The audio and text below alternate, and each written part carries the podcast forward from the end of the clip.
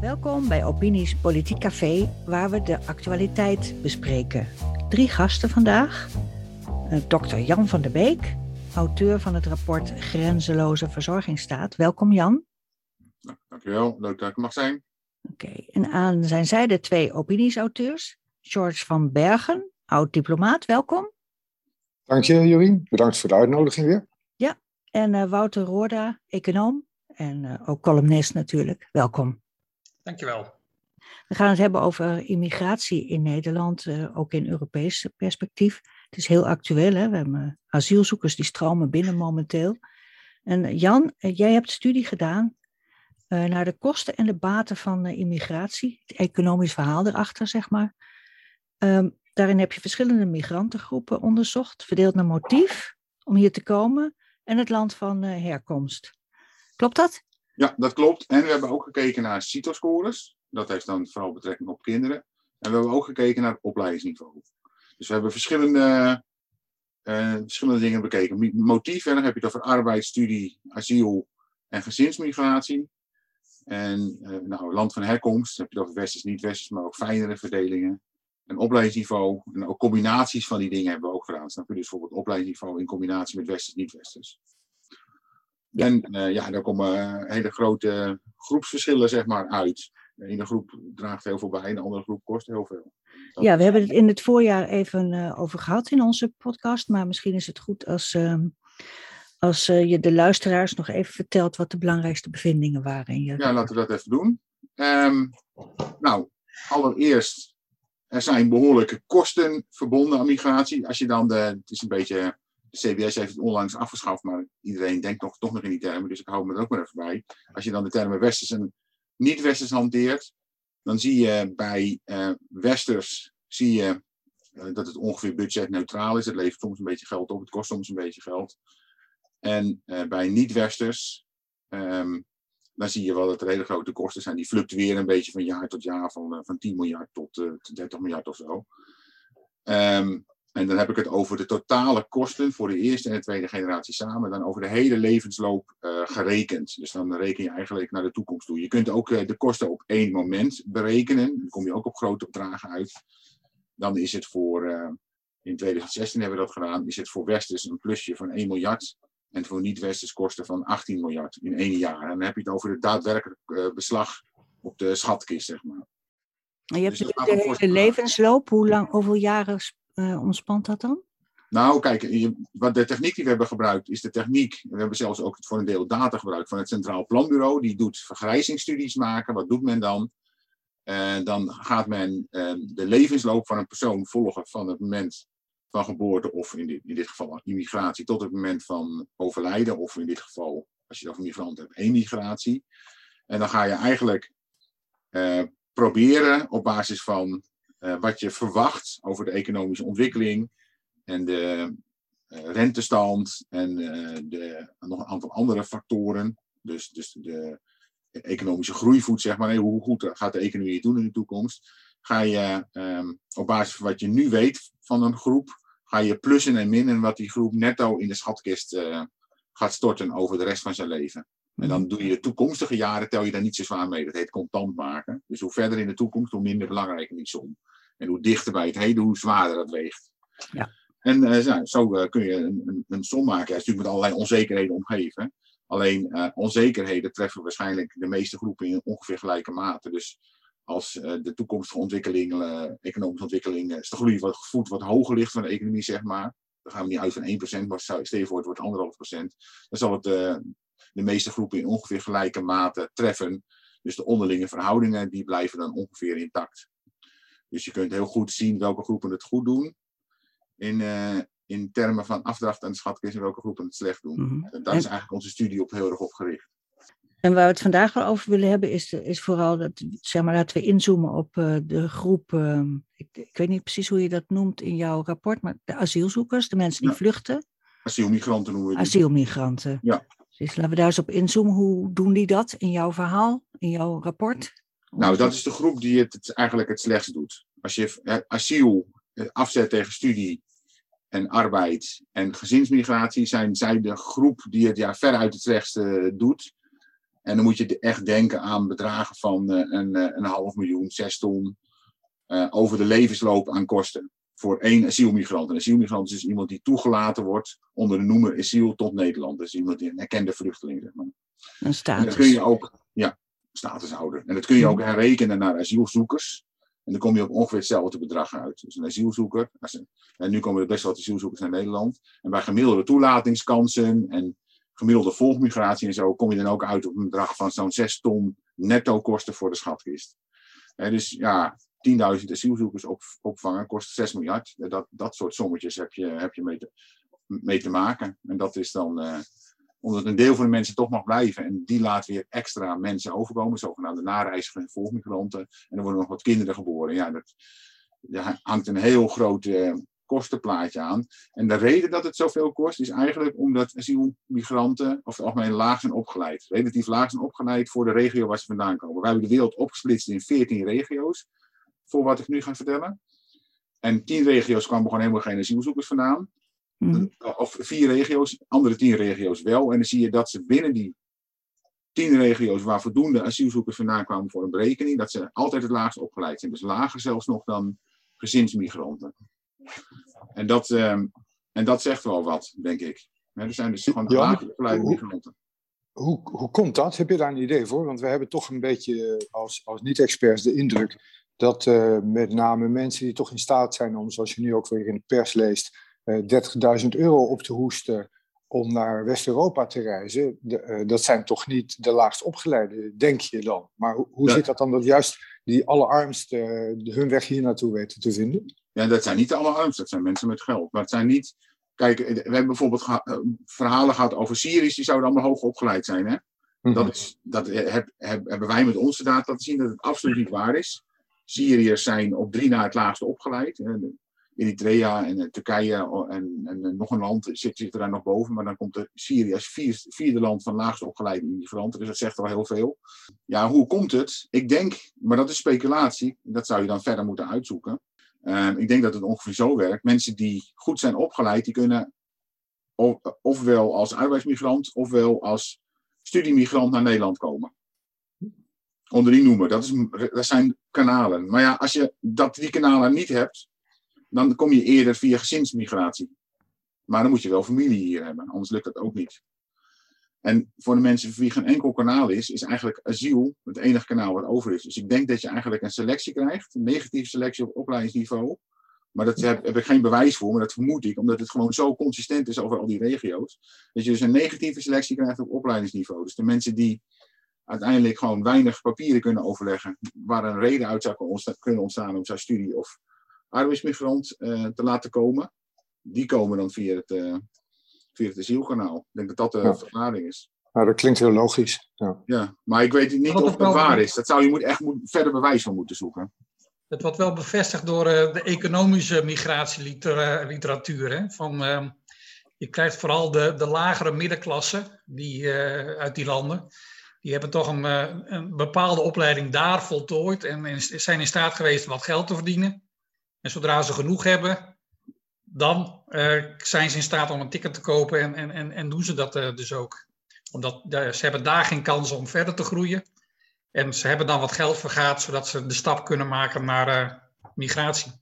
Ja, ja dat, dat is ook wel een beetje wat ik ervan gezien heb. En het verhaal trouwens dat, um, dat er een soort hiërarchie is in eh, bijdragen en in opleidingsniveau en zo, dat heb ik ook al in ander onderzoek gezien. Uh, economisch onderzoek. Dus dat familiemigranten en asielmigranten, humanitaire migranten, hoe dat, heet dan in de literatuur soms anders, inderdaad vaak minste bijdragen. Dat, heb ik dat wordt ook inderdaad ook bevestigd in andere literatuur. Dus maar het opleidingsniveau is denk ik een belangrijke factor daarin. Maar verder ook gewoon de hele manier van van immigreren. Ik bedoel, kijk, asiel is natuurlijk met, met uitstek de domste manier om mensen te laten immigreren naar je land. A, je moet al heel veel mensen op je grondgebied toelaten om dan een selectie te gaan maken. Langs juridische weg, wat eindeloos duurt. Wie dan wel en niet mag blijven. Die mensen die uiteindelijk mogen blijven, die hebben dan vaak één of twee of drie jaar in een of andere kamp gezeten, wat natuurlijk hospitaliserend werkt. En die komen dan binnen, niet omdat ze komen werken of studeren, want dan heb je gelijk om iets te doen in zo'n land en een reden om er te zijn, maar die komen dan binnen op een uitkering. ja, je ziet dat uh, zelfs jonge mensen, dus tussen de 20 en de 40, op het moment dat ze de status krijgen, dat daar uh, het overgrote deel een uitkering heeft het eerste jaar. En dat duurt een jaar of 15. Dan is het gezakt tot 40 à 50 procent met een uitkering. Dat is ongeveer de helft. En dat heb ik het over 20 tot 40 op het moment dat ze toegelaten worden. Dus dat zijn een beetje mensen in de kracht van hun leven. Ja. Daar zit dan nog, na 15 jaar zit nog de helft in een uitkering bijna. En, en van die andere helft, dat zijn die allemaal werkenden dan. Hè? Dat zijn heel veel mensen zonder inkomen dan bijvoorbeeld, die afhankelijk zijn van die uitkering van die persoon of wat dan ook. Dus eigenlijk uh, heel weinig mensen werken dan. En ja, dat kost natuurlijk heel veel geld. Je ziet ook als je die lijntjes maakt, die, uh, leeftijdspatronen die je nodig hebt voor die berekening naar de toekomst toe, dan zie je ook dat um, asielzoekers over het algemeen niet boven de nullijn uitkomen. Dus die gaan hun hele leven, ook tijdens de werkzame periode, gaan ze geen positieve bijdrage aan de schatkist leveren. Die kosten altijd meer.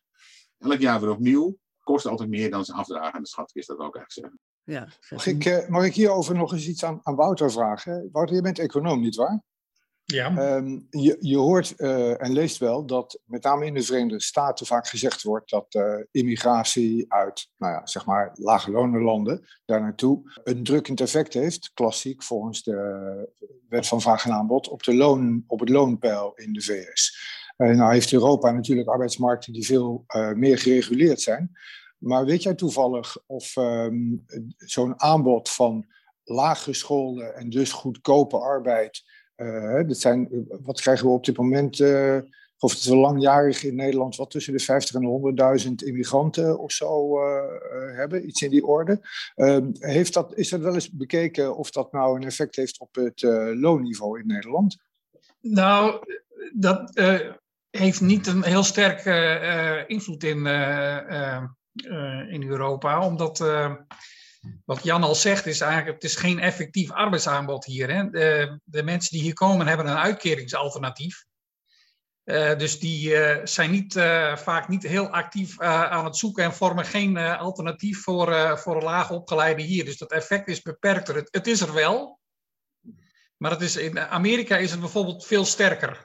de maatregelen die toen Trump heeft genomen om de migratie tegen te gaan, dan zag je heel snel dat in bepaalde gebieden waar veel migranten actief waren, dat de lonen omhoog gingen. Ja, dat, dat zie je in Europa niet, uh, niet zo snel, omdat het, echt, uh, omdat het geen effectief aanbod is. Uh, in Zuid-Europa zie je het dan nog weer meer dan in Noord-Europa, omdat daar geen volledig dekkend stelsel is van, van uitkeringen. Dus mensen hebben daar geen uitkeringsalternatief, maar voor Nederland is het beperkt. Ik wilde er nog wel iets aan toevoegen. Je ziet nu door COVID een soort natuurlijke experimenten op bepaalde arbeidsmarkten in westerse landen. Onder andere in Nieuw-Zeeland en Australië, waar ze extreem, extreem strikt zijn op, uh, op COVID-maatregelen. en daar heeft men echt de grens uh, dichtgemikt. En ja, er kwam natuurlijk heel weinig, in bepaalde, bepaalde sectoren kwamen helemaal geen immigranten meer. Dan zag je gelijk inderdaad dat de ingezetenen, de mensen die er al waren, daar enorm van profiteren. Zowel in loonniveau als in mate van werkloosheid in die sectoren. En daar zie je gewoon het effect dat als er inderdaad alternatieven zijn, zoals uitkeringen, zo is dat, die wordt natuurlijk enorm gedempt. Uh, maar als er mensen echt gaan concurreren om die banen, ja, dat is natuurlijk logisch dat dat loondrukkend werkt en de werkloosheid verhoogt. Dus dat zie je wel. Klopt, ik heb ook zo'n studie voor Australië inderdaad gezien waaruit dat uh, helemaal uh, blijkt. Ja, ja. Klopt. Ja, dat, zijn de, dat is interessant voor natuurlijke experimenten. Soms gebeurt dat. Een ander natuurlijk experiment is de Muriel Boatlift. Dat is in de jaren 60 geweest toen heel veel Cubanen naar eh, Miami en zo gingen. Toen zag je lokaal dat het best wel effecten had. Vooral mensen die dan concurreren met die nieuwe immigranten. Dat waren er heel veel. En als je dan bijvoorbeeld, uh, ik geloof een high school dropout, die had geen, geen diploma. En die leek dus heel veel op die nieuwe immigranten, die vaak ook geen uh, taal niet spraken of andere handicaps hadden op de arbeidsmarkt. En die leden dan behoorlijk onder zo'n influx van immigranten. Het zijn vooral de mensen die lijken op de immigranten. Waaronder, dat is een beetje um, het paradoxale, waaronder veel lichtingen eerdere immigranten. Want eerdere immigranten, eerdere cohorten, die lijken natuurlijk heel vaak best wel op nieuwe immigranten. En daarom is eigenlijk uh, ja, voor massamigratie zijn, is eigenlijk een recht standpunt. Het is eigenlijk helemaal niet links, want je gaat eigenlijk mensen aan de onderkant van de arbeidsmarkt tegen elkaar opzetten en met elkaar te concurreren om dezelfde banen en uitkeringen en sociale huurwoningen en zo. Het is eigenlijk best wel bizar dat, dat dat juist vanaf de linkerzijde vaak zo gepromoot wordt. Terwijl het gewoon aantoonbaar niet goed voor de mensen is die het betreft, waaronder juist eerdere cohorten immigranten. Ja, je had het net over de kosten per asielzoeker. Ja. En uh, wat ik me afvroeg is, hebben jullie ook berekend wat de kosten van opvang in de regio zouden zijn, om dat dus te kunnen vergelijken? Nou, in Nederland of in de regio? Ik heb dat niet berekend, maar ik heb er wel uitgebreid uh, over gepraat met uh, Tom de Veer. Dat is iemand die al heel lang in het ontwikkelingswerk zit. En um, ja, die zei van het kost een fractie van, uh, van wat opvang in Nederland kost. Want dat, ja, je moet je voorstellen dat uh, heel veel van die vluchtelingenkampen, daar krijgen mensen een stukje land. En ze krijgen het eerste jaar, of de eerste twee jaar, wat hulp in de vorm van voedsel en gereedschap en allerlei andere dingen. En uh, daarna moeten ze zichzelf meer of meer kunnen redden. Hè? Bijvoorbeeld als je het over kampen in, in Oeganda bijvoorbeeld hebt. Mm -hmm. En dat, dat kost natuurlijk uiteraard geld, maar dat, dat zijn allemaal kosten die in uh, lokale valuta's worden gemaakt voor een belangrijk deel. En uh, tegen lage lonen. En, en, en ja, dat kost allemaal niet zoveel veel geld. Dus dan, als je nagaat wat het opvangen van energiebezoeker in Nederland kost, dat je dan zeg maar die zes ton kwijt bent. Ja, daar kun je waarschijnlijk een, een, een aantal gezinnen een levenslang voor onderhouden in, uh, in, in bijvoorbeeld Afrika. De, de opvanginfrastructuur in dat soort landen genereert ook weer uh, economische groei en werkgelegenheid voor de omliggende gemeenschappen. Dus ik heb van Veer, uh, geloof ik, gehoord in een, in een podcast van een conculega van ons, uh, van Weer Duk, die daar geloof ik ook een artikel, vrij uitgebreid interview met hem heeft gehouden en gepubliceerd in, in de Telegraaf een tijdje ja, terug. En ja, hij, hij wordt natuurlijk wel verguisd in zijn eigen kringen van ontwikkelingshulp, de ontwikkelingshulpindustrie omdat hij uh, ja, vloekt in de kerk. Ja, de, ja, ja, de, de, de, het pleidooi wat alleen maar rationeel is. Om te ja. zeggen, we kunnen voor hetzelfde geld veel meer betekenen voor die mensen. Of omgekeerd, we kunnen voor veel minder geld hetzelfde doen. Om nog maar te zwijgen over uh, de ontwrichtende effecten op onze samenlevingen in Europa. Van een grote influx van moeilijk inpasbare migranten uit andere culturen. Ja. Terwijl je dat effect dus voorkomt wanneer je die mensen in de regio uh, onderdak biedt. Um, ja, dat, dat, mag je helemaal niet uh, hardop zeggen in die kringen. En dat hij iets zegt met kennis van zaken, omdat hij decennia ervaring heeft, dat maakt het des te pijnlijker voor het dogma van die kant. Ja, ja nee, uit, inderdaad. Dat is, dat is precies wat jij vertelt heel mooi samengevat. Het is, je kunt voor een fractie, ik geloof dat het een factor 1 of 50 of factor 1 of 100 of zo, van wat je naar schatting aan kosten kwijt bent daar. Dus dan kunt 50 keer zoveel mensen helpen waarschijnlijk. En uh, je zou ook een win-win-win situatie kunnen maken. Als ik naar hem luister dan, want ik heb ook uit die gesprekken ook gehad en uh, ik ken het verhaal uh, wel aardig. Want we praten daar al een paar jaar over. En ehm, ja, je kunt een win-win-win situatie maken. In die zin dat die landen vaak ook best wel in de maag zitten met die vluchtelingen. Dus die willen vaak bijvoorbeeld repatriëring op gang zetten, maar dat is moeizaam. Dan moet er in, in, het herkomstland toch weer plaats worden gemaakt ergens. En daar zou je mensen bij kunnen helpen. Je zou de lokale bevolking ook kunnen helpen. Door uh, op een of andere manier te zorgen dat het positieve spin-off voor hen heeft. Dat de vluchtelingen worden opgevangen. En um, de vluchtelingen zelf. En dat allemaal uit bijvoorbeeld ontwikkelingshulpbudgetten voor een fractie van wat opvang hier kost. En die ontwrichtende, ontwrichtende effecten die wij, uh, ontwrichtende effecten op de verzorgingsstaat bijvoorbeeld, die wij in onze maatschappij hebben, die zou je vermijden. Maar om een van de reden is het zo dat mensen, dat er een groep mensen is die migratie als gewoon a priori heel positief ziet. Dat het ook niet a priori heel negatief is. Het is niet, het is allebei niet. Maar zoals wij het doen in Nederland is het uh, ja, behoorlijk ontwrichtend. Maar is dat helemaal een Nederlandse keuze of zit daar ook een behoorlijke uh, push zeg maar, vanuit de EU of vanuit de internationale wetgeving uh, in? Nou, Hoeveel keuze heeft Nederland daarin? Nederland heeft helemaal geen, of je kunt altijd in de marge allerlei keuzes maken, maar je hebt eigenlijk geen soevereiniteit meer als Nederland. Want het VN-vluchtelingenverdrag in zaken, het VN-vluchtelingenverdrag, zal ik maar zeggen, uit 51, dat is ook weer verankerd. Uh, en ook het uh, asielrecht en zo, dat is verankerd in alle Europese verdragen. En zo het Europese verdrag van de rechten van de mens en, uh, en, en nog wat andere zaken. Dus je kunt eigenlijk beslist Nederland niet meer zelf welke mensen het toelaat. Maar wie beslist maar het wel? Mensen bieden zich aan op, op het grondgebied. Die komen op een of andere manier de grens over. En op mensen het woord asiel uitspreken, dan gaat er een soort mensen internationaal juridische molen gaat draaien. En Ja. da- daar komt een uitkomst uit. En daar heb, heb je als politicus of als eh, burger eigenlijk heel weinig eh, invloed op. En dat, dat, daarom ben ik ook heel erg tegen het VN-vluchtelingenverdrag. Mhm. Want het is aantoonbaar heel slecht om, voor Nederland om heel veel, heel veel asielmigranten op te vangen.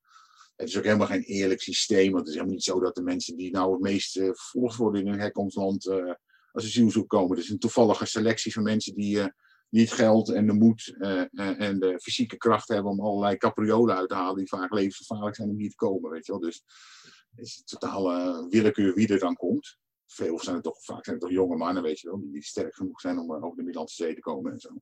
Maar die laten Ja, hun gezin dan, of hun familieleden dan later overkomen. Ja, of ze worden uitgestuurd door, door ouders. Hè? Dat, op die manier. Kijk, je moet een brughoofd hebben. Als je dan eenmaal één persoon hier hebt, dan kan je misschien via gezinshereniging en gezinsvorming andere mensen laten komen. Ja. Want mensen komen natuurlijk gewoon, ja, ik kan ze niet kwalijk nemen, maar de mensen komen gewoon voornamelijk af op onze welvaart. Ik zeg niet dat er helemaal geen echte vluchtelingen zijn die een gegronde vrees voor vervolging hebben volgens het VN-vluchtelingenverdrag. Maar ik denk dat de meerderheid gewoon mensen zijn die op zoek zijn naar een beter leven. Dat blijkt ook wel, want heel veel mensen uit Syrië bijvoorbeeld, die komen uit een Turkije of Libanon, waar ze in principe veilig zijn. Dan worden ze niet eh, vervolgd omdat ze Syrië Ja. zijn of wat dan ook. Ja, ik ben het helemaal met je eens, Jan. Het is, eh, het is he- helemaal niet eh, verwijtbaar dat iemand probeert eh, een beter leven voor zichzelf eh, te scheppen door naar een omgeving te trekken waar hij het beter heeft, waar beter voor hem gezorgd wordt. Ehm, maar het is natuurlijk evident, toen eh, tijdens de Eerste Wereldoorlog vluchtten de Belgen naar Nederland en niet naar Syrië. En ehm, eh, tijdens de bezetting in de Tweede Wereldoorlog vluchtten Nederlanders naar Engeland, wat hiernaast ligt, en niet naar Syrië. Dus ja, het idee dat mensen uit Syrië vluchten of uit Afghanistan of uit Irak en dan duizenden kilometers hier naartoe reizen, dat is evident dat daar een economisch motief tenminste ook een rol Ja. speelt. Ik wilde nog één opmerking maken, Jurien, eh, als het mag. Ehm, Ja. eh, Jan zei net, eh, en de, eh, zo heel terloops, het VN-vluchtelingenverdrag uit 1951. Eh, het is wel iets om even een uitroepteken bij te zetten. hè. Wij, wij laten ons dus regeren, want dat is inderdaad wat er aan de hand is, door een systeem wat gebaseerd is op de situaties en de opvattingen eh, die we hadden in 1951 met de Tweede Wereldoorlog recent in het geheugen en de situatie van eh, nou de, de Jodenvervolging en de, eh, de, de grote massa's ontheemde mensen. We moeten niet vergeten dat alle Duitsstaligen uit ehm, eh, Polen, Tsjechië en Slowakije en andere randgebieden daar, Roemenië geloof ik ook, die zijn natuurlijk in die tijd allemaal naar het westen gejaagd, gewoon uit hun huis geschopt. Dus er waren heel veel mensen op de vlucht. En in die situatie, eh, en met het schaamrood op de kaken van de eh geallieerde landen, die eh, weigerden in de jaren dertig eh, Joden op te nemen uit Duitsland. Zelfs de Britten, die toen de baas waren in wat toen Palestina heette, die weigerden Joden toegang te verlenen tot wat later Israël is geworden. Ehm, dus in, in die context is dat VN-vluchtelingenverdrag opgesteld. Ehm, het is natuurlijk een heel andere situatie dan waar we nu mee te maken hebben. En het is bizar dat onze beleidsmakers in de afgelopen decennia niet geluisterd hebben naar mensen zoals Jan, eh, Mhm. die zeggen je moet, dit, eh, je moet dit anders gaan doen, want dit past gewoon niet meer bij deze tijd en bij deze politieke constellatie. Ja, Ja, jouw rapport was van eh, begin dit jaar, of maart denk ik ongeveer. Ja. Eh, heeft de politiek daar sindsdien wat mee gedaan? Is er over gesproken? Ge- Nou, kijk, sommige politieke partijen, dat zal je niet verbazen, de rechterzijde van het politieke spectrum zijn uiteraard heel geïnteresseerd. Ik bedoel, duidelijk, PVV heeft in 2010, meen ik, door Nijver, dat is een onderzoeksbureau wat volgens mij niet meer bestaat nu, een onderzoek laten uitvoeren naar de kosten en baat van migratie met eigenlijk dezelfde soort methodes. Ja. Dus ja, dat soort partijen zijn geïnteresseerd. FVD was natuurlijk eh, betrokken bij het onderzoek, hè. Die heeft eh, wat geld betaald. Mhm. Eh, niet kostendekkend, maar eh, ze hebben het wel gedaan. En, nou, die waren natuurlijk ook geïnteresseerd. En ehm, ook een partij is Ja 21 is geïnteresseerd. Omdat die altijd met die thema, dat zijn partijen die, die drie, deze drie partijen zijn met deze thema- thematiek bezig. Dus die vinden dat interessant en alle andere partijen negeren het eigenlijk. Ja.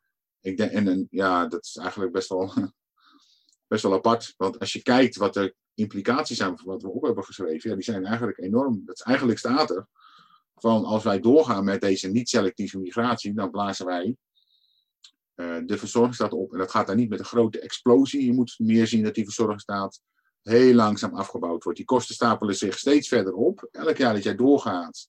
Hè, we hebben nu bijvoorbeeld nog steeds op, op dit moment, dus in 2016, dat is ons meetmoment, hebben hebben we nog steeds vele, vele miljarden netto kosten, omdat we ooit gastarbeiders hebben toegelaten. Dus dat, is, dat zijn beslissingen uit 19, eind jaren 60. 60 ja. Jaren 70 tot eind jaren 70. In de jaren 10 is, dat, is die gastarbeid behoorlijk groot geweest. En daarom zijn er nog steeds hele forse netto kosten van um, vele miljarden euro's per jaar. Netto gewoon. Dat er gewoon elk jaar uit de schatkist staat. En bij ziel is dat effect waarschijnlijk nog groter.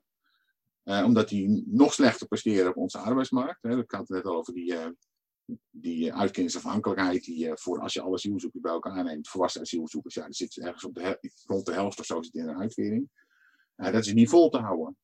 en die, die kosten zullen zich heel langzaam opstapelen. Dus elke keer laat jij mensen toe. Wij rekenen dan de kosten uit van wat het gaat kosten in de toekomst, na verwachting. En dat rekenen we dan toe naar het ene jaar. Maar zo gaat het in werkelijkheid natuurlijk niet. In werkelijkheid gaan die kosten elk jaar met een klein beetje komen. Dus met asiel heb je eerst uh, enkele tienduizend euro's per persoon per jaar kosten aan de opvang. Dat kost heel veel geld. En daarna gaat al die kosten van die uitkering jaren in en jaren, jaren uit die uitkeringen voor heel veel mensen gaat, gaat lopen. Er staan er heel weinig kosten uit arbeiders er tegenover. Als mensen werk hebben, zijn het meestal ook kleine baantjes of deeltijd of slecht betaald. Dus dat levert netto ook niks op. En dat betekent dat je om het even plastisch en concreet te maken, je laat iemand toe uit Eritrea, die komt binnen, die, krijgt een, die is uh, eh, 30 jaar, die krijgt een bijstandsuitkering. Die bijstandsuitkering loopt tot, laten we zeggen, 65 jaar, dus 35 jaar achter elkaar. En daarna krijgt die persoon um, de Algemene Ouderdomswet, de AOW, totdat hij overlijdt. En zo iemand, hè, dat zijn natuurlijk ook mensen die wel werken, maar daar zijn er te weinig tegenover die wel werken. Zo iemand gaat dus een hele leven lang, tientallen jaren achter elkaar geld kosten. En dat doe je jaar in jaar uit, laat je een groep mensen toe, die dus binnenkomt, uiteindelijk een status krijgt en al die rechten heeft op die uitkering en die sociale huurwoning enzovoort. Ja, dat stapelt zich op, die kosten. Dus, dus uiteindelijk is die verzorgingsstaat onhoudbaar. Die verzorgingsstaat wordt al aangepast. En als je gewoon kijkt welke mensen zitten er nu in de bijstand bijvoorbeeld, ja, dat is al uh, meer dan 60% uh, is, is, uh, is al immigranten, waarvan de helft uh, niet-westerse immigranten, van een zeer groot deel uh, voormalige asielmigranten. En dat probleem gaat niet minder worden, het gaat alleen maar meer worden, het gaat zich steeds verder opstapelen. Totdat er een soort evenwicht ontstaat, dat die verzorgingsstaat zo ver is afgebouwd, dat er eigenlijk wel hele forse prikkels ontstaan om toch te gaan werken. dus dan, als je op een gegeven moment op een niveau bent van wat ze in de Verenigde Staten hebben, voedselbonnen en zo, ja, dat is ook niet heel aangenaam. Dus dan zullen mensen toch eerder een neiging hebben om toch wel te gaan werken. En dan heb, maar dan heb je die verzorgingsstaat meer die we hadden. En eigenlijk zitten we al op dat traject. Hè? Ja, wanneer zijn we zover eh, dat, dat, dat die balans uh, ons. Hoeveel moet er nog gebeuren voordat we daar zijn? Nou ja, dat gaat gewoon met kleine beetjes. Je ziet al, dat bijvoorbeeld sociale huurwoningen zijn. Dat was vroeger best wel toegankelijk. Voor, voor ook voor doorsnee mensen met gewoon een baan en zo. Nou, dat is, je moet tegenwoordig echt heel weinig verdienen om daarvoor in aanmerking te komen. Uh, iedere studiefinanciering dat bestaat nog wel, maar dan moet je echt heel weinig geld hebben. Maar eigenlijk is dat afgeschaft, dus dat is ook sociale zekerheid. De, de WW eh, is natuurlijk ingekort. Er zijn misschien best wel vanuit economisch perspectief best wel goede redenen om dat te doen. Dan moet je mensen ook een beetje activeren natuurlijk. Uh, maar het is toch mooi wel ingekort. En allerlei voorzieningen voor ouderen zijn minder geworden. Dus ik denk dat we eigenlijk al een beetje aan het afbouwen zijn. Ja. En nou is die verzorgingsstaat, het heeft niet alleen met migratie te maken. Het het is ook zo dat de verzorgingsstaat misschien soms ook wat te mooi is om waar te zijn. Gratis geld, dat leidt natuurlijk onherroepelijk tot misbruik. En het tweede probleem is dat als jij, dat we zeggen, globalisering hebt en arbeid en kapitaal en goederen kunnen eigenlijk vrij de wereld over uh, flitsen, wat nu dus toch, toch wel best wel het geval is, dan ben je al continu, als je een pakketje uit China laat komen, komt er een beetje arbeid en een beetje kapitaal en zo uit China komt jouw land binnen. En uh, dat maakt eigenlijk dat, uh, dat je iedereen in wereldwijde concurrentie is. Maar dat maakt er ook, ook dat uh, vestigingsplaatsen, dus landen, ook met elkaar concurreren. En dat betekent dat je eigenlijk niet te veel belasting kan heffen, want dan gaan mensen met de voeten stemmen. Mensen met hmm. kapitaal, mensen die uh, ergens willen investeren in, in productiecapaciteit of zo.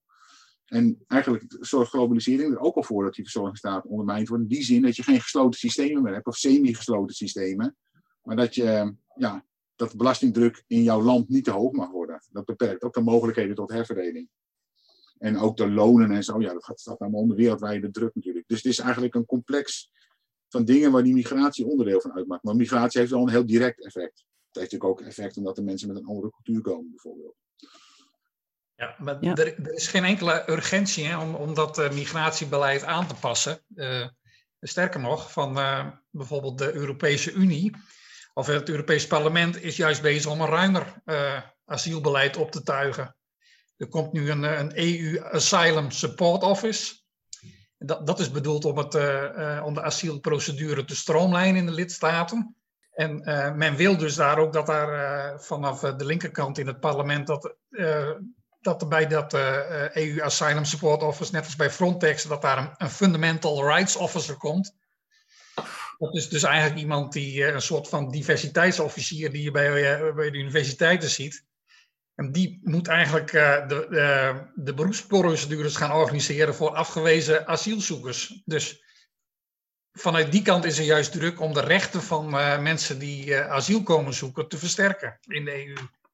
Ja, en, en dus ook dat, dat, dat kantoor, dat EU-agentschap, gaat dus ook toezicht houden uh, op uh, hoe uh, de lidstaten de asielprocedure uitvoeren. Nou ja, je weet dan al van tevoren wie dan in de beklaagdenbank zullen be belanden. Dat zullen waarschijnlijk in de eerste plaats landen als Polen en Hongarije zijn. Ja. En vervolgens ook andere landen die in de ogen van het Europees Parlement en dus dat agentschap te streng zullen optreden ik, ik wilde zeggen, als je heel cynisch bent uh, en een beetje, nou, een beetje als een flauwe grap, kun je zeggen, Nederland behoort uh, in Noordwest, samen met andere landen in Noordwest-Europa, tot de top qua aanpak. We zijn relatief liberaal, denk ik, hè, met het toelaten van het erkennen van vluchtelingen. Ze krijgen hier relatief goede opvang, zeker als je het vergelijkt met nou, de kamp op Lesbos en dergelijke.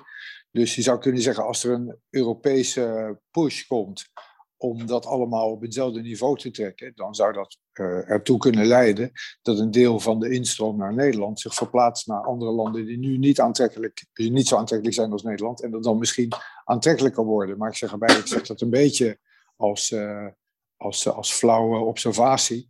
En het is zeker niet iets waarvan ik denk dat het wenselijk is. Maar ja. Ja, dan wordt de, de pijn wat meer verdeeld ja, wat je toch vaak hoort, hè, dat de Europese Unie uh, druk uitoefent op landen als Polen en Hongarije, de Baltische landen en zo, om, om daar uh, niet-westerse migranten op te nemen. Ehm, met het argument, we moeten dat eerlijk verdelen. Ja. Um, ja, en dat die landen zeggen, onze samenleving zit niet daarop te wachten, dat is dan kennelijk niet aan de orde. Nee, nee, nee daar, daar speelt op die, die, op die spanning spelen natuurlijk ook die uh, Russen en Wit-Russen heel goed in. Precies. Die, zien, die zien natuurlijk dat de Polen heel anders denken en Hongarije heel anders denken dan uh, Nederland of de Europese Commissie. Dat zien ze. En die zitten helemaal, Polen, zit, Polen heeft heel veel Oekraïners opgevangen, hè? moet je niet vergeten, hè? van die oorlog. Dus ze vangen heel veel asielzoekers op. Alleen dat zijn lokale asielzoekers. Maar dus, ze hebben geen zin in mensen uit um, het Midden-Oosten of zo. En um, daar maken die Russen natuurlijk heel goed gebruik van. Want wat er eigenlijk, of Wit-Russen moet ik zeggen, mhm. wat er eigenlijk aan de hand is, dat wij extreem hypocriet zijn.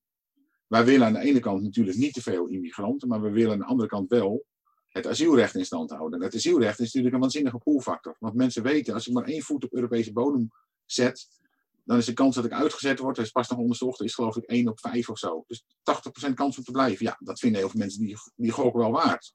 als je dan mag blijven, kun je uiteindelijk ook familie over laten komen. Je zag pas ook, een, heb ik een interessante documentaire gezien, dat je ook ziet hoe een paar mensen in Noord-Irak, in het Koerdische uh, autonome zone, hoe ze zich aan het voorbereiden zijn om naar Belarus te gaan en uiteindelijk ook echt heen gaan. En eentje komt dan terug. Die wordt daar dan van zijn geld ontdaan en weer teruggestuurd. En die andere zwerft nu ergens in het bos rond, volgens mij. En, maar je ziet gewoon dat, dat mensen, omdat ze weten, als ik maar één voet op Europese bodem heb, mag ik met 80% kans uh, blijven, dat ze die gok wagen.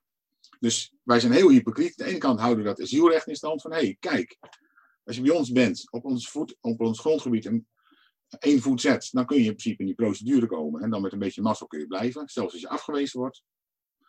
En aan de andere kant willen we niet te veel mensen en gaan we het ook heel moeilijk maken. Want we zouden natuurlijk ook prima een luchtbrug met alle hoofdsteden um, of alle vliegvelden in hele Midden-Oosten en Afrika kunnen hebben. En dan gewoon alle asielzoekers kunnen laten komen. Alleen dan weten we natuurlijk dat het er eh, in no time uh, ja, honderden miljoenen zullen zijn. Want dat blijkt ook uit onderzoek van Gallup en Pew Research en Afrobarometer. Er zijn gewoon wereldwijd gewoon echt letterlijk honderden miljoenen mensen die wel, zou, wel zouden willen emigreren. Hm. Dat zijn schrikbarend hoge aantallen. Als je bijvoorbeeld ook kijkt, in een van die interviews gaan ze aan mensen vragen van, als u de mogelijkheden en de middelen zou hebben om te emigreren, wilt u dan weg? En dan blijkt bijvoorbeeld van Nigerianen, waar toch 200 miljoen mensen of zo wonen, blijkt driekwart van de volwassenen te zeggen, ja, dan wil ik wel weg.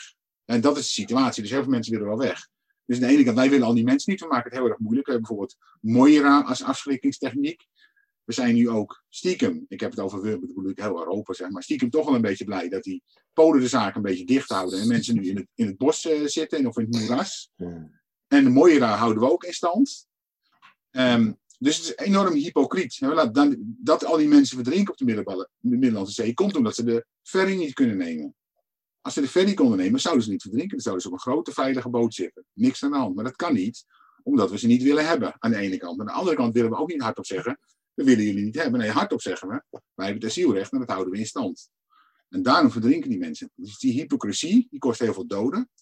En die hypocrisie, dat hebben die die uh, Russen, en Wit-Russen natuurlijk haarfijn door. En op dat knopje zijn ze de hele tijd aan het drukken nu. En het is extreem cynisch en het is enorm lullig voor alle mensen die nu als spionnen worden gebruikt in een uh, smerig politiek spel. En die nu erg in het grensgebied rondzwerven in de kou en zo. Maar het is vanuit het Russische en Wit-Russische perspectief natuurlijk wel heel slim dat ze die zwakke plek hebben gevonden.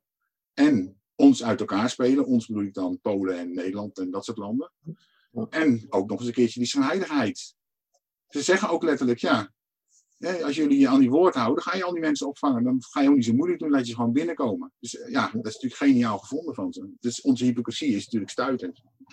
De, de fundamentele weeffout van nou, de Europese Unie, het vrij verkeer van personen en in het verlengstuk, het verlengde daarvan Schengen, is natuurlijk dat je binnengrenzen opheft zonder je buitengrenzen net zo uit te voeren als vroeger je eigen nationale grenzen waren. Ik kan me nog goed herinneren dat je slagbomen had en, uh, en dat soort zaken. En dat was met België of met Duitsland, onze NAVO-partners en naaste buren. Dus wat ligt er meer voor de hand dan dat je hekken en dergelijke zet aan de oostgrens van de Europese Unie, op de grens tussen Servië en Hongarije, wat ons uh, in 2015 uh, een groot probleem heeft helpen bezweren. Eh, nou, niet bezweren, maar in ieder geval heeft verminderd. En, en nu met Polen en, en, en Wit-Rusland. doordat we dat dus niet hebben gedaan, en we gewoon hebben gedacht, we, de, de Europese machthebbers, mm, we heffen die binnengrenzen op en we steken ons hoofd in het zand en dan komt het wel goed. zitten we nu met de situatie die we hadden met Erdogan, toen iedereen door liet gaan vanuit Turkije naar Europa. En nu doet Lukashenko hetzelfde. Want je wel een goed punt. Wat de Europese Unie volgens mij vaak doet, is dat ze een stip op de horizon zetten. En dan gaan we over tien jaar gaan we iets doen. Dan gaan we de euro invoeren bijvoorbeeld. En eigenlijk zijn we nog niet klaar voor de euro, want dan zouden we eigenlijk één Europese regering moeten hebben. Maar dat komt, komt er vast al een crisis en die lost dat op. En dat hebben ze met die buitengrenzen ook gedaan. Nou, die crisis is er nu. En ja, uiteindelijk moeten er natuurlijk hekken staan. En de tegenstanders van grensbewaking zeggen altijd, ja, het kan niet. Of dan gaat de hele handel gaat op zijn gat. Maar dat is natuurlijk echt onzin. Iedereen die wel eens bijvoorbeeld op de Route heeft gereden, die weet, je komt met duizenden auto's aanrijden. Op een gegeven moment zijn de poortjes, want dan moet je betalen voor die tolweg. Nou gaat het opeens naar 24 banen. En twee of drie minuten later is iedereen weer voorbij en iedereen heeft voor die tolweg betaald. Dus met moderne technologie, intelligence en zo, kun je gewoon uh, de grens, die grens die fysiek is, dus met een hek, maar die grens die ook voor een deel ook in wetgeving zit en in rechten en plichten en asielrecht bijvoorbeeld, op al die levels, dus administratief en fysiek aan de grens, kun je dat gewoon met moderne technologie gewoon heel soepeltjes doen. Dat je helemaal de handel niet in de wielen rijdt. Dat is allemaal onzin. Hetzelfde soort argument van ja, zonder euro zou de handel leiden. Kijk naar Duitsland, die handelen extreem veel met China. Daar hebben ze geen euro in China, maar het gaat allemaal prima. dus dat is uh, mede ook door de moderne technologie en zo is verschillende geldsoorten ook een minder groot probleem. En dit is ook net zoiets. Dus we zouden prima die grenzen kunnen bewaken met moderne technologie. Zonder dat we de handel heel erg in de wielen rijden. En andersom, je kunt ook andersom redeneren. Als jij zelf als land of als Europese Unie jouw grens niet serieus neemt, ja, dan kun je het ook niet verwachten van illegale immigranten dat, dat, je, dat ze die grens serieus gaan nemen. Ik neem even het voorbeeld van Joe Biden. Die heeft, er kwamen heel veel Haitianen naar ehm, de Verenigde Staten. Dat waren er in september geloof ik 17.500 ongeveer. En eh, Joe Biden heeft toen gezegd, iedereen die binnenkomt, je mag gewoon als Haitiaan niet illegaal binnenkomen. We zetten je direct op een vliegtuig terug naar Haiti. En wat bleek, heel veel van die mensen hadden daar geen zin in. Een deel van die mensen ging zelf al terug naar, naar Mexico, eh, waar ze dan vaak vandaan kwamen. En het aantal illegale immigranten is inmiddels gedaald naar duizend. En dat is in een maand tijd gebeurd. Dat uh, stond in de Washington Post, dus stond gisteren een, uh, een berichtje of eergisteren daarover. Dus een heel goed voorbeeld van als jij serieus met die grens omgaat, als jij die grens zelf serieus neemt, van hé, hey, wij hebben regels, wie binnen mag komen en wie niet. En jij komt toch illegaal binnen, maar we willen dat niet. En gaat mensen ook daadwerkelijk uitzetten, ja, dan gaan illegale immigranten die zich grens ook weer serieus nemen. Denken ze van, hé, hey, dat moeten we maar niet doen. Maar dat doen wij in Nederland en Europa dus niet. Dus iedereen mag eigenlijk binnenkomen. En eh, als je dan binnen bent, gaan we gewoon een procedure in, heel lang. En dan de kans dat je, als je niet mag blijven, uitgezet wordt, is dan een vijfde of zo. Of een kwart. Dus ja, dat, dat schrikt niet echt af. Dus wij nemen ons, zelf onze grens niet serieus. En dat zouden we echt wel moeten gaan doen. Het kan niet zo zijn dat wij hier echt in een heel rijk en welvarend deel van de wereld wonen. Waar we het allemaal heel goed op orde hebben. En waar veiligheid redelijk gegarandeerd is en zo. En dat er om ons heen allerlei plekken zijn waar het minder goed georganiseerd is. En gedestabiliseerd door allerlei oorlogen en zo. En dat je niet, um, niet daar een grens tussen hebt. Want dan gaan mensen komen. En op een ja. hele manier. Ga dan iets in, in het Als je dan toch denkt, we willen toch immigranten toelaten. Ga dan iets in het leven roepen dat je met een quotum gaat werken of zo, weet je wel. Dat, dat je van die illegale immigratie af bent dat het een beetje ordentelijk verloopt. Maar nu, dit is natuurlijk gewoon uh, vlees nog vis. Het is uh, niet serieus je eigen grens bewaken, maar wel mensen afschrikken, met heel veel doden tot gevolg. Uh, want dat moeten we niet vergeten. als we het mhm. asielrecht niet zouden hebben, zouden er veel mensen, minder, minder, mensen sterven op de Middellandse Zee of in de Sahara. Want die zouden, die zouden het risico niet gaan nemen, omdat ze toch niet mochten blijven dan. Ja. Dus eigenlijk is het verre van humaan, dat hele asielgebeuren. Het is eigenlijk heel asociaal, als je erover na gaat denken. En ontzettend hypocriet. Gaat dat gewoon nog twintig jaar door, denk je? Of gaat de wal het schip keren? Nou, ja. De wal zou... Ja, kijk, wat er natuurlijk gewoon gebeurt... is dat die mainstream politici... die steken gewoon de kop in het zand. Want die vinden het meer hoofdpijn en meer politiek risico... om iets te gaan doen aan, laten we zeggen, het VN-vluchtelingenverdrag... dan, um, dan doormodderen zoals ze nu doormodderen. Kijk, Rutte bijvoorbeeld... Die, die heeft het ook eigenlijk min of meer met zoveel woorden gezegd. We gaan we niet doen, want het is allemaal veel te ingewikkeld, veel te veel diplomatieke inspanningen en zo. Hm. Dus die mainstream politici rommelen lekker voort. Maar in de landen waar die uh, immigranten neerstrijden en de zaak ontwrichten, niet omdat uh, de immigratie ontwricht de zaak, hè. Um, ik wil de migranten zelf niet blamen, maar het is meer gewoon het migratiebeleid wat ik zou willen blamen. Dan doen, heb ik het over landen als Frankrijk en Zweden en Nederland en België en zo waar of de verzorgingsstaat onder druk staat, of er is behoorlijk veel terrorisme, wat je in Frankrijk dan ziet, of heel veel uh, gang, etnische gangactiviteit, wat je in Zweden bijvoorbeeld ziet. Op, in die landen zullen de bevolkingen natuurlijk op een gegeven moment gaan zeggen: ja, ik ga toch maar voor Erik Semoer stemmen of voor de PVV. Of nou ja, andere partijen die anti-migratie zijn. En uh, op die manier uh, zal de wal het schip wel keren. Want die uh, mainstream politici willen natuurlijk wel graag aan de macht blijven en hun partijen. En je ziet wel dat in Nederland bijvoorbeeld zo'n partij als de PvdA, die heeft een totaal zelfdestructief pad gekozen. Van wokisme en niet meer zorgen voor de klassieke arbeider. Ja. Dus sommige partijen zullen gewoon verdwijnen, dat zie je in Frankrijk ook. En andere landen zullen de mainstream partijen misschien eieren voor hun geld kiezen. Denemarken is daar een voorbeeld van, waar de Deense PvdA heeft gewoon gekozen voor een heel strikt immigratiebeleid. Op termijn wel iets zal veranderen, gewoon puur doordat het electoraat zich gaat roeren. Ik hoop dat je gelijk krijgt, Jan. Ik hoop het echt, maar uh, ik heb er een hard hoofd in. Ik ben niet zo optimistisch.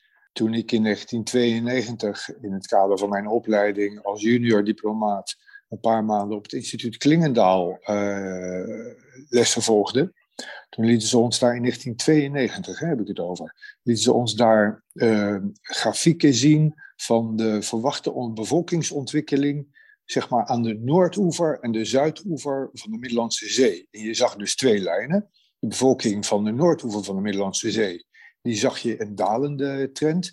En de bevolking aan de Zuidoever zag je een stijgende trend. En ergens rond, nou niet ver in de toekomst, kruisten die twee lijnen zich. En zou dus het gehele Midden-Oosten, Noord-Afrika en, enzovoort, zou een grote bevolking krijgen. En toen zeiden ze tegen ons, dat gaat dus onherroepelijk tot migratiedruk leiden en allerlei andere strategische consequenties hebben.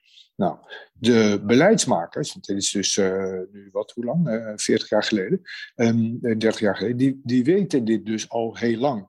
Die weten al heel lang dat dat gaande is, dat het gaat gebeuren. Je had het over 200 miljoen Nigerianen, waarvan drie kwart naar Europa wil. ik geloof dat 75% van de bevolking in Egypte jonger dan 30 is. Uh, en uh, daarvan uh, ook nog eens driekwart praktisch werkloos. Um, die, mensen, en dat, zijn, dat gaat ook over tientallen of zelfs meer dan 100 miljoen, ik weet het even niet uit mijn hoofd. Ja, 100 miljoen, die worden van groot, ja. ja, ja. Dus die, die, die zijn, dat zijn allemaal potentiële economische migranten naar Europa. Um, en al die tijd wisten we dat. En al die tijd hebben we, de beleidsmakers in Nederland en in Europa, daar niets aan gedaan. We, hebben de PVV al heel lang die op deze trom roert. Uh, soms uh, een beetje contraproductief heb ik het gevoel, de manier waarop ze de boodschap uitventen.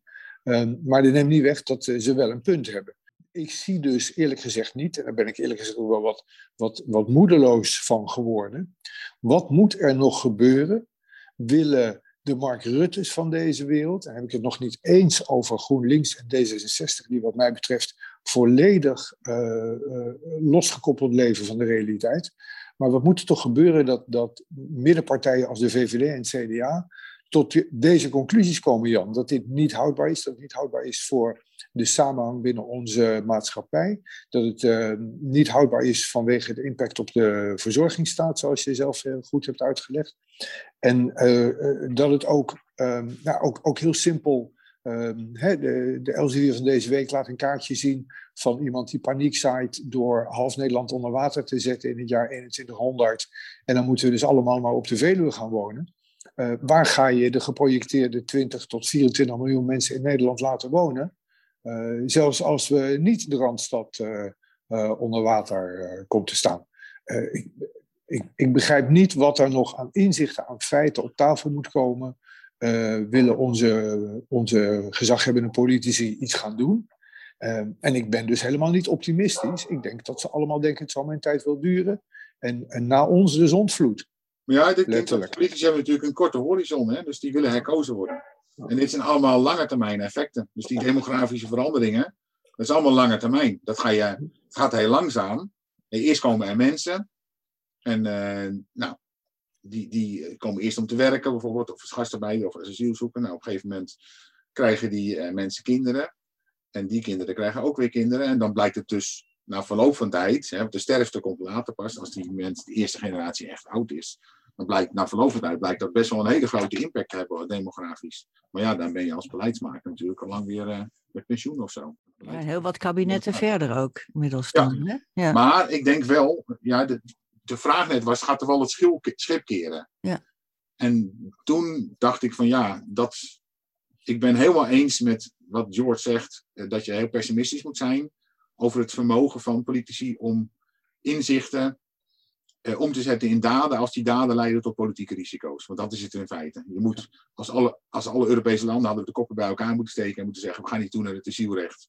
Nou, dan krijg ik allemaal NGO's die gemoord en brand geschreven schreeuwen en asieladvocaten en zo. Mhm. En uh, in elk land in, Euro in, Europa zit altijd weer een andere regering, dus dat wisselt de hele tijd. Dus je krijgt heel moeilijk wat voor elkaar, want je moet vertrouwensbanden opbouwen met mensen. Maar ja, die, dan zijn er hier weer verkiezingen dan daar weer, dus dat is een soort van moving target. Dus ja, dan is het heel lastig om dan bijvoorbeeld het VN-vluchtelingenverdrag uh, aan te passen. En het levert heel veel politieke risico's op. Want er is in um, naar aanleiding van het regeerakkoord van 2017 volgens mij, is er onderzoek gedaan naar het al dan niet opheffen van het VN-vluchtelingenverdrag of het herzien daarvan. Dat is volgens mij vorig jaar tijdens op de eerste dag van het reces gepubliceerd, heel slim. Oh, ja, ja. En daar stond dan wel in van ja, het, het, het, is allemaal wel, er is misbruik van die regelingen en zo. En uh, nou, nog wat andere zaken. Maar um, ja, het zou toch wel heel veel risico zijn om iets aan het VN-vluchtelingenverdrag te gaan, gaan doen. En daar deel ik het pessimisme van uh, George wel. Ja, je ziet gewoon dat die, politieke, die politici dan denken, nou, dat moeten we dan maar niet gaan doen, want dat is veel te riskant. Sterker nog, ze tekenen dan het, Mar het Marrakesh-pact. En vervolgens gaat de Europese Commissie daarmee aan de haal om daarvan een soort immigratiebeleid uh, met handen en voeten ook daadwerkelijk te maken. Dus het, het bizarre is, het tegenovergestelde is het geval. In plaats van dat ze zeggen van nou, ook al uh, in, in, in schaak en in oorlog moet je strategisch handelen. Je moet zorgen dat je tegenstander op jouw zetten reageert. En niet jij steeds reageert op die van je tegenstander. Nou, Nederland en Europa op dit terrein doet al decennia niets anders dan reageren op ontwikkelingen die anderen uh, onze kant op sturen. Soms letterlijk. Um, dus wat ze hadden kunnen doen, was uh, uh, eigen ideeën formuleren en daarop gaan handelen.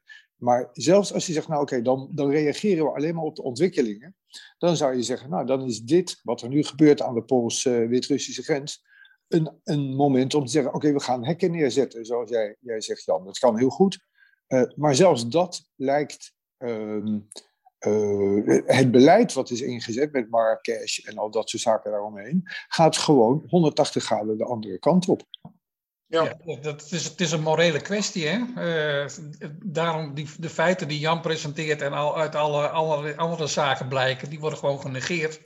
Er wordt een morele kwestie van gemaakt. De beelden die we zien van de grens met Wit-Rusland, dat zijn uh, vrouwen en kleine kinderen. Ja. Waarbij die kinderen ook nog uh, sigarettenrook in de ogen krijgen geblazen soms. En uh, terwijl het overgrote deel zijn jonge mannen. En de, de mensen die we zien aan de grens met uh, Wit-Rusland, die komen voor een groot deel uit Turkije, wat gewoon een veilig land is. Wit-Rusland weigert humanitaire hulp uit Polen. Men hanteert een soort van uh, roterend systeem. Hè? De, de vluchtelingen zijn drie dagen aan de grens.